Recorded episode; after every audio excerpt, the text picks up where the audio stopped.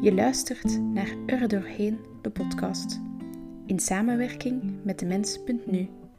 Samen komen we er terug bovenop. Trigger warning. In deze aflevering komen enkele moeilijke onderwerpen aan bod. Depressie, zelfmutilatie en zelfmoord. Indien je niet zeker bent of je hiernaar kan luisteren, raden we aan om samen met iemand te luisteren of nog even te wachten.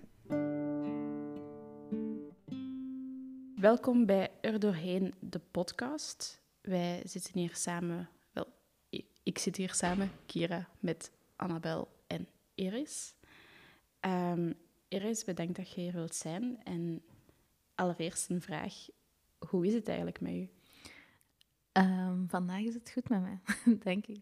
Um, ja, een beetje moe, maar dat is normaal na een drukke week. Maar het is niet altijd even goed met u geweest? Nee, spijtig genoeg niet. Um, ik worstel al sinds mijn 14 of 15, nu weet ik zelf niet meer zeker, uh, met depressie en angststoornissen. Dus dat is al een hele tijd. en op welke manier uit dat zich dan, die depressie en angststoornissen? Um, beide op een heel andere manier. Dus de depressie is vooral um, afsluiten voor mij. Dat kan bij iedereen anders zijn, maar ik trek mij enorm terug. Ik sluit mij van mensen af. Ik, um, ja, in mijn kamer, sad music, um, alles wat erbij komt kijken. En dan de angststoornissen, dat is echt, ja, hyperventileren, panikeren. echt, ja, enorm hard wenen. Alles van de wereld dat er op u afkomt. Um, en die twee samen, dat is, geen goede combinatie. Dus uh, ja, dat zijn zo de twee meest belangrijke dingen waar ik um, tot op vandaag nog altijd last van heb. Vroeger is ook nog een paar andere dingen geweest, zoals um, ja, automutilatie. daar ben ik nu mee gestopt. Ik moet zeggen, dat is niet altijd makkelijk. maar zolang, zolang het niet teruggaat zoals vroeger, uh, ben ik al tevreden, denk ik dan. Misschien moeten we bij het begin beginnen. Wat heeft dan gemaakt dat die periode precies gestart is? Ja, dat is gewoon alles um, dat zich opstapelt. Dus doorheen je leven zeggen er verschillende mensen verschillende dingen tegen je van oh, je zou precies wel wat moeten afvallen of je punten moeten naar omhoog. Of de broek die je draagt is niet in de mode en dat is raar. En ik denk als jongeren, of gewoon elk persoon, dat wij zo bezig zijn met de mening van andere mensen, dat wij heel vaak vergeten dat wij, of ik als persoon, degene ben die mag bepalen wie ik ben en niet andere mensen. En dat heb ik ook nooit meegekregen. Want als ik iets deed, um, dan zijn mijn ouders ook altijd van... Je moet altijd eerst naar je eigen kijken. Je moet altijd eerst naar je eigen kijken. En dat is, dat is waar, want je moet weten voor wat je verantwoordelijk bent. Maar die een insteek heeft ervoor gezorgd dat ik mezelf het probleem constant maakte. Dat ik altijd dacht van, oh, die heeft zo gereageerd, maar dat zou wel aan mij gelegen hebben, want ik had anders kunnen reageren of ik had beter kunnen reageren. Want ik moet altijd naar mezelf kijken. En dat is iets wat ik pas het afgelopen jaar heb geleerd, in deze 24 jaar op deze aardbol, heb ik pas vorig jaar geleerd dat het oké is om te weten dat niet alles uw eigen schuld is. Dat er mensen zijn die u verkeerd hebben gedaan. Dat er mensen zijn die u verkeerd hebben behandeld, die dingen hebben gezegd die niet oké zijn. En om dat te weten, ook van jonge leeftijd, van het is niet altijd mijn schuld, is zo belangrijk.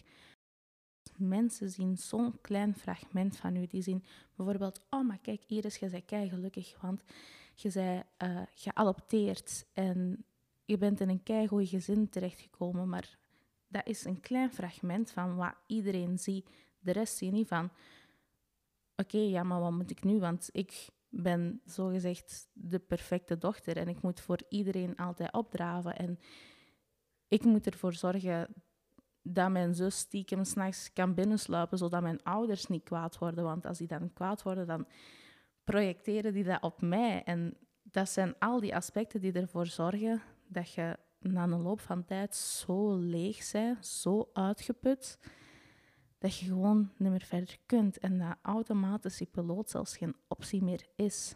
Want hoeveel mensen staan op, doen ik kleren aan, zijn volledig op automatische piloot aan het gaan zonder dat ze eigenlijk weten van ik moet hier iets aan doen, want ten eerste, ik ben niet meer gelukkig. Ten tweede, hier wordt niemand anders gelukkig van. En ten derde, zo kan het niet verder. Alles heeft een einde. En als je dat einde bereikt, dan ben je zo, zo op, zo moe. En dat zien mensen niet, want iedereen ziet u vijf minuten op een dag. En dan als het te laat is, is het van, ah, maar we hebben niks gemerkt. En die was altijd aan het lachen. En we hebben daar zo'n goede gesprekken mee gehad. Maar niemand heeft in die tijdspannen van die vijf minuten ooit de vraag gesteld van, zeg, hoe is echt met u? Ik was er altijd voor iedereen, maar ik kon bij niemand terecht. Iedereen kwam altijd met zijn problemen van mij. En met de meest banale dingen van, oh, mijn vriendje heeft het uitgemaakt en weet ik veel wat. Tot, ja, mijn vader heeft mij geslagen, wat moet ik nu doen? En ik wil thuis weg. Ik was zelf een kind. Ik moet daar geen antwoord op weten. Niemand wordt het antwoord daarop te weten. Maar als wij geen opvangnet hebben of we weten niet waar we naartoe kunnen, ja, dan zijn onze vrienden de enige personen waar we hulp kunnen vragen. Maar dan wordt dat verdriet en die stress en die gevoelens weer overgegeven naar die andere persoon. En die andere persoon zit daarmee. En alles samen zorgt ervoor dat je gewoon zo uitgeput geraakt. Dat je niet meer verder kunt. En dat je op een bepaald moment, of dat was voor mij toch zo, gewoon geen, geen andere uitweg meer zie van te denken van ik wil niet meer zo verder leven. Ik wil dat deze stopt. En dan is de enige optie die er is, ja, zelfmoord. Of, of alle gedachten die daarbij komen. En het is niet van, als je denkt van, ik, ik wil hier niet meer zijn, dat het gaat om, ik ben het leven beu, maar over hoe je leven op dat moment is dat je beu bent. Van, je wilt leven, je wilt dingen doen, maar je hebt de energie er niet voor, omdat iedereen alles van u vraagt. En dat is het ergste van al, want niemand heeft dat door tot het te laat is. Dat, dat zit mij dwars, omdat ik weet hoe diep ik zat. Want ik heb um, zelf... Mm, even denken. Twee zelfmoordpogingen achter de rug. Beide, nu zeg ik gelukkig, mislukt. Maar op dat moment zit je zo diep, zo ver, dat je je eigen leven nog niet eens meer meemaakt. Dat je zelf precies een buitenstander bent die ziet hoe alles slechter constant evolueert.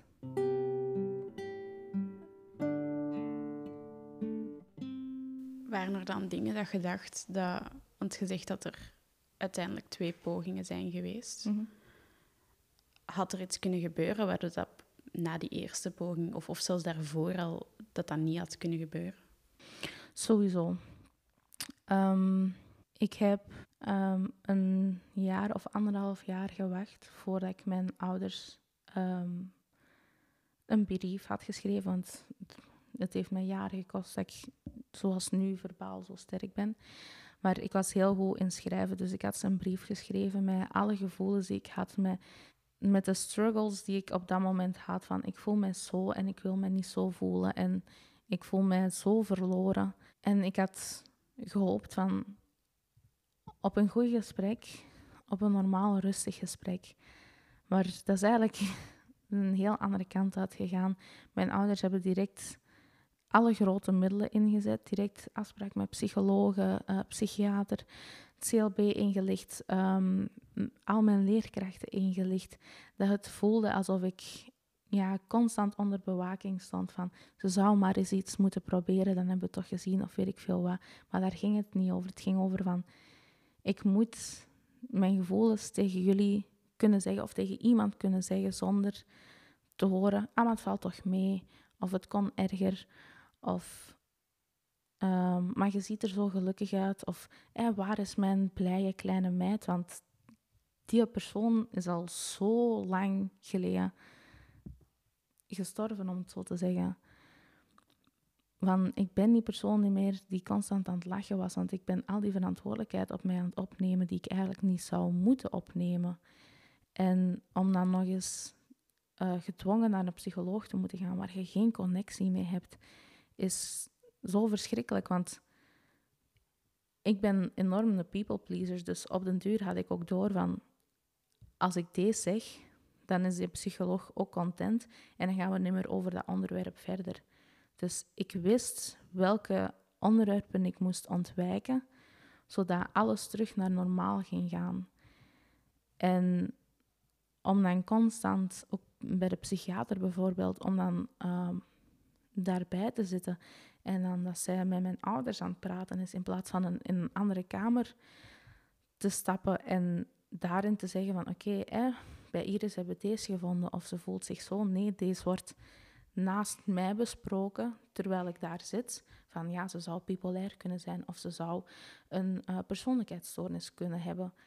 Als kind, als persoon hoort je dat allemaal. Dat komt ook bij u binnen. Ik weet niet wat dat is met mensen die dan denken van ja, als we een meter verder gaan staan en we fluisteren een beetje, dan gaan ze het niet horen, want het is nog maar, het is nog maar een kind.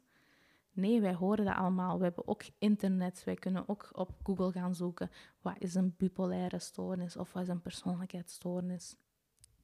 We, iedereen wil op een menselijke manier behandeld worden. Niemand wil aan de zijkant staan of niemand wil dat zijn verhaal um, zo verkleind wordt naar iets wat er zo gezegd niet toe doet. Want het zijn die kleine dingen die zich constant blijven opstapelen. En het is daarom dat het ook mij zo lang heeft geduurd. Um, vooraleer ik echt op mijn limiet was. Want tussen die brief en de eerste poging zat denk ik nog eens anderhalf jaar. Dus ondertussen zijn we drie jaar verder. En dat is drie jaar van uit de klas gehaald worden om dan te zeggen van ja, ik moet naar de orthodont of ik moet naar de kinesist, terwijl ik eigenlijk een uur een psycholoog ga voorliegen, zodat ik er toch maar vanaf ben. En dat kan allemaal zo makkelijk vermeden worden door gewoon te praten, door tegen iedereen te zeggen van als je als je je slecht voelt, dat is oké. Dat is niks abnormaal. Wij zijn zo met onszelf bezig dat we vergeten dat andere mensen ook gevoelens hebben. En die gevoelens, die moeten gewaardeerd worden. Want dat werd bij mij niet gedaan. En ehm, zelfs toen het zo erg was na mijn eerste uh, zelfmoordpoging, ehm, is er een afspraak gemaakt voor een uh, gesloten instelling. En ik heb daar weer mijn verhaal moeten doen. Ehm, weer moeten uitleggen van ja. Ik, ik stond voor dat spoor en ik was gewoon aan het wandelen en er gaat niks om u heen. Dat is precies een film. Al dat geluid is weg. Je stapt vooruit en opeens voelt je iemand aan je trekken en die houdt u tegen. En als je dat vertelt van ik was effectief van plan om er een einde aan te maken. Om dan direct daarna te horen van iemand die daar is voor opgeleid, om, om dan te horen dat mijn geval niet erg genoeg is om daar hulp voor te krijgen, dan, dan weet je niet meer wat je moet doen. Want als je letterlijk op het punt staat om een einde aan je leven te maken, en zelfs dan zeggen ze: Sorry, maar hier zitten ergere gevallen, wat moet je dan doen? Dus eigenlijk de hulp die dat ze voor jou hadden ingeschakeld, bleek ook nog eens je gevoel niet te valideren.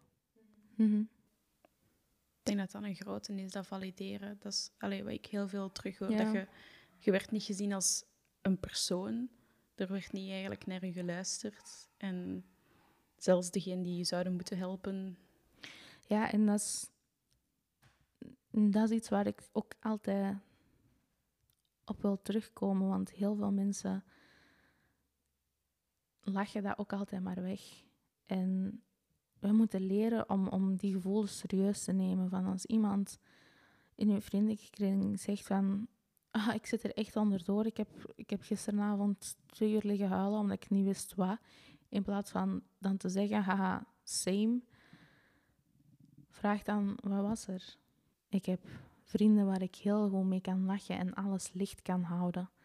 En dat is heel fijn. Maar dan heb ik ook een heel goede vriendin waar ik letterlijk mee over alles kan praten en ook de zwaardere onderwerpen.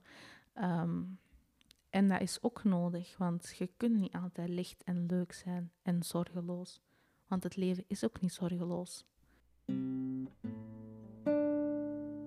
En wat is dan hetgene geweest dat u er uiteindelijk... Want als ik u nu zo zie, je kunt erover praten en dergelijke.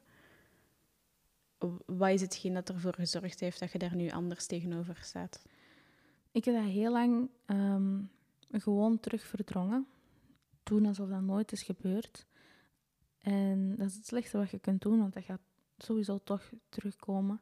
En bij mij is dat anderhalf, ja, jaar, twee jaar geleden ongeveer teruggekomen.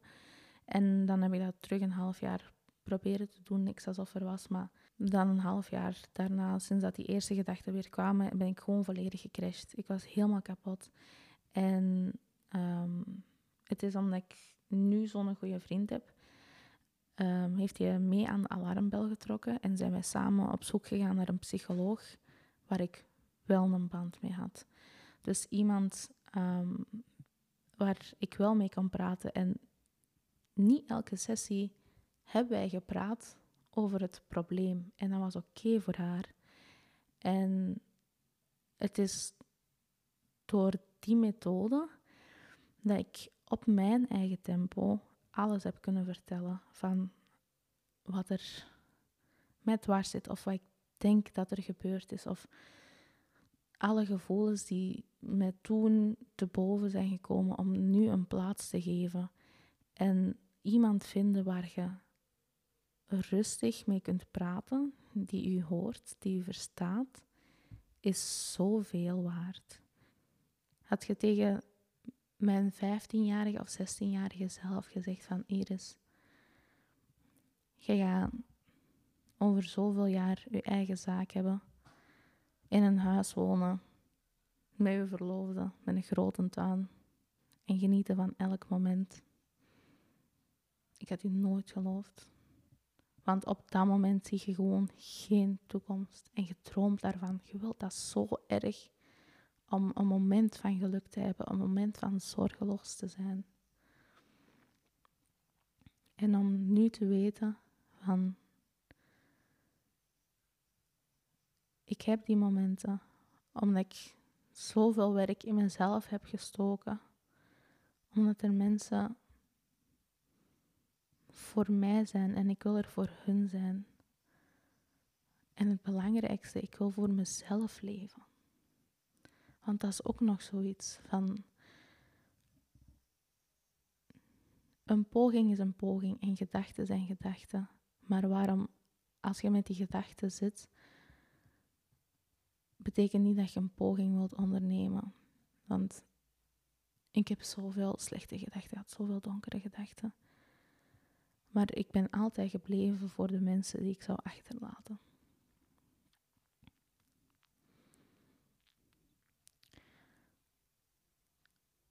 Maar nu weet ik dat ik voor mezelf wil blijven.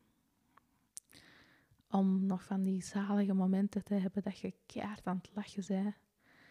Dat je buikpijn krijgt of dat je met je zotte vriendin ineens tickets wint voor een random concert en dan last minute nog vertrekt. En het zijn die dingen die je gelukkig maken, maar je moet de tools hebben om tot daar te geraken. En voor mij was dat net die ene psycholoog. Um, uh, die podcast van Kwetsbaar heeft mij ook enorm geholpen van um, verschillende onderwerpen aan te kaarten en over mezelf na te denken. Met goede vrienden spreken. En vooral tijd voor mezelf nemen. Nee zeggen is geen taboe. Dat mag zeker. En als je aan je eigen denkt, is dat niet egoïstisch. Moest je nu kunnen een boodschap geven aan jezelf van drie jaar geleden, wat zou dat dan zijn? De pijn die ik nog ga meemaken, is niet fijn of nodig. Maar het heeft u wel gemaakt tot wie je nu bent. En vooral om niet op te geven. Betere vrienden zoeken, zeker. En voor mezelf, voor mezelf kiezen.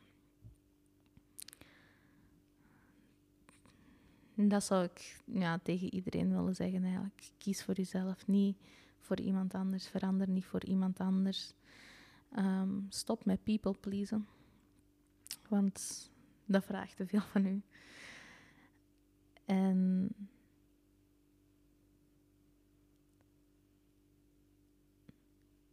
probeer voor jezelf uit te zoeken wat helpt en wat niet helpt. Want dat werd voor mij bepaald.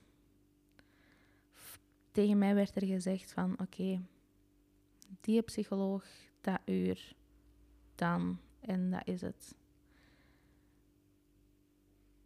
Maar ik vind dat iedereen daar zijn eigen verantwoordelijkheid in moet krijgen. Want niet iedereen vindt die psycholoog het beste. Dat kan voor u een geweldige mens zijn waar je heel goed mee kunt praten. Maar dat kan voor iemand anders heel onwennig voelen. En zeker in zo'n situatie moet je je niet onwennig voelen, moet je je veilig voelen vooral. En eender welke gedachten die je hebt, die zijn oké. Ja. Ik denk dat dat inderdaad wel een heel belangrijke is. Ik zag u daar straks lachen naar Annabel. ja. Zij is mijn beschermengel. We hebben al een lange weg afgelegd, dat klopt. Ja. ehm, het is ook door haar dat ik nu besef van een vriendschap kan er anders uitzien. Hm. En die moet er eigenlijk anders uitzien. Ehm, En anders hoe juist? eh, ja, ik heb gezegd van ik ben er altijd voor iedereen geweest en bijna niemand voor mij. Dus iemand had problemen. We bellen Iris, die staat hier binnen 10 minuten en die brengt ijs en koekjes mee en dan komt alles in orde. Maar andersom gebeurde dat niet of amper, misschien eens één keer. En sinds onze vriendschap is mijn beeld daarvan helemaal veranderd. En heb ik door, en dat hielp mij ook met door te hebben van hoe mensen mij behandeld hebben, is niet oké. Want Annabel is geen familie, maar ze voelt wel als familie en is zelfs beter als familie soms. Want ik kan haar op de meest random momenten bellen en eerlijk zeggen van, Bella, deze week is zo kut. Deze week is zo, zo slecht en ik voel me zo slecht. En dan is er geen vooroordeel van. Zij vraagt niet direct van, oh, maar je hebt toch niks om over te zagen, want je hebt je eigen zaak en je, hebt, eh, je woont samen en je hebt een goede vriend. Dat krijg ik niet van haar. Ehm, zij zegt dan, vertel, wat is er precies gebeurd? En dan moet ik niet direct alles in een kwartier proberen te proppen, omdat zij nog ergens moet zijn. Zij zet haar leven op hold voor mij. En zo hoort het te zijn. Mensen of vrienden of familie of eender wie die u echt graag hebben, zetten alles eventjes stil om naar u te luisteren.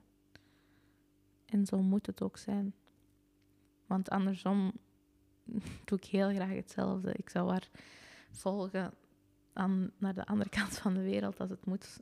Als ze zegt van, Iris, ik zit daar en ik heb hulp nodig. Ik kom eraan, ik heb geen auto, maar ik, ik kom eraan. Het zal eventjes duren, maar Ik kan. Ja, Ik laat daar nooit meer gaan. hele mooie woorden. Zeker. Maar ik laat daar ook niet meer gaan, dus...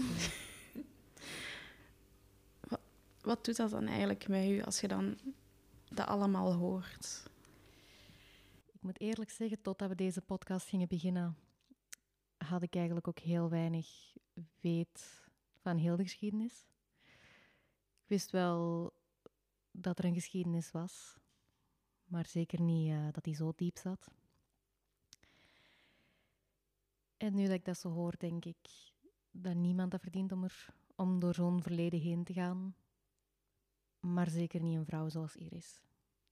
Want ik denk dat Iris het leven zoveel heeft gegeven en het leven zo hard heeft aangekeken en zoveel citroenen die gegooid zijn naar haar heeft teruggegooid. Want van sommige citroenen kunnen niet eenmaal geen limonade maken, vrees ik. Maar het leven doet mensen soms heel veel pijn, is soms heel vies. En ik hoop echt met deze podcast en met de getuigenis van Iris dat we mensen kunnen duidelijk maken dat het leven daarom niet altijd moet lopen zoals het nu loopt, maar dat het ook beter kan worden. Al gaat het daar soms, soms, al gaat het daar soms zelf heel hard aan moeten werken, hoe moeilijk dat, dat ook lijkt. Ja. Nee, ik denk dat dat zeker een takeaway point is van erover durven praten en, en luisteren vooral ook. Ja, en ik zou ook zo nog één ding ehm, willen zeggen van... Uw stappen die je zet in een goede richting, mocht je nooit vergelijken met iemand anders. Want wij starten allemaal op zo'n andere plaats in het leven. En als ik mijn leven nu vergelijk met mensen van mijn leeftijd, sommigen zijn nog aan het studeren, sommigen zijn net begonnen met werken, terwijl ik al zoveel ehm, andere dingen heb gedaan. En dat betekent niet dat mijn leven beter is, dat is gewoon dat anders is. Hetzelfde ehm, met als je in een eh, slechte plaats zit momenteel. Zelfs als je dagen niet uit bed kunt komen en op de zesde dag dat je in je bed ligt, zeg je van ik ga, ik ga vandaag douchen. Dat is ook een stap. Dat is een kleine stap, maar dat is ook een stap. En het is niet omdat iemand dan zegt van ja, ik ben vandaag vijf kilometer gaan lopen. Wat heb jij gedaan? Dat je je slecht moet voelen. Want elk klein ding dat je doet, dat je energie heeft gevraagd, wat je anders niet zou doen, is, is iets wat je wel gedaan hebt. En dat moet je niet vergeten. Want wat van u energie vraagt, vraagt van een ander bijvoorbeeld geen energie. En geen twee levens zijn hetzelfde. Dus wij mogen ons ook niet vergelijken met iemand anders. Dat is ja, toch nog iets wat ik heel belangrijk vind. Ik denk dat je daar zeker gelijk in hebt. Iedereen is heel anders. Je zegt het zelf, sommigen zijn nog aan het studeren, kan ik zelf uit meespreken. dus ja. Nee, ik vind het heel sterk dat je je verhaal hier hebt kunnen doen. Dank u. En ja, voilà. Ik denk dat we de podcast hier gaan afronden. Ehm, bedankt voor uw verhaal te doen. En ik hoop dat, net zoals de andere podcast die je zelf hebt geluisterd, dat deze ook iemand kan helpen die Ik hoop het. gelijkaardige dingen meemaakt of iets in die aard. En En Wel is nog hopelijk maar een klein eerste stapje zetten naar hulp of iemand van vrienden of familie daarover aanspreken. Daar zou ik zo blij mee zijn. voilà. Ja. En vooral de juiste hulp. Voilà. Ook heel belangrijk. Hele belangrijke. Het is niet omdat je naar een psycholoog Mhm. gaat dat dat de juiste is. Zeker. Bedankt voor het luisteren naar Er Doorheen de podcast.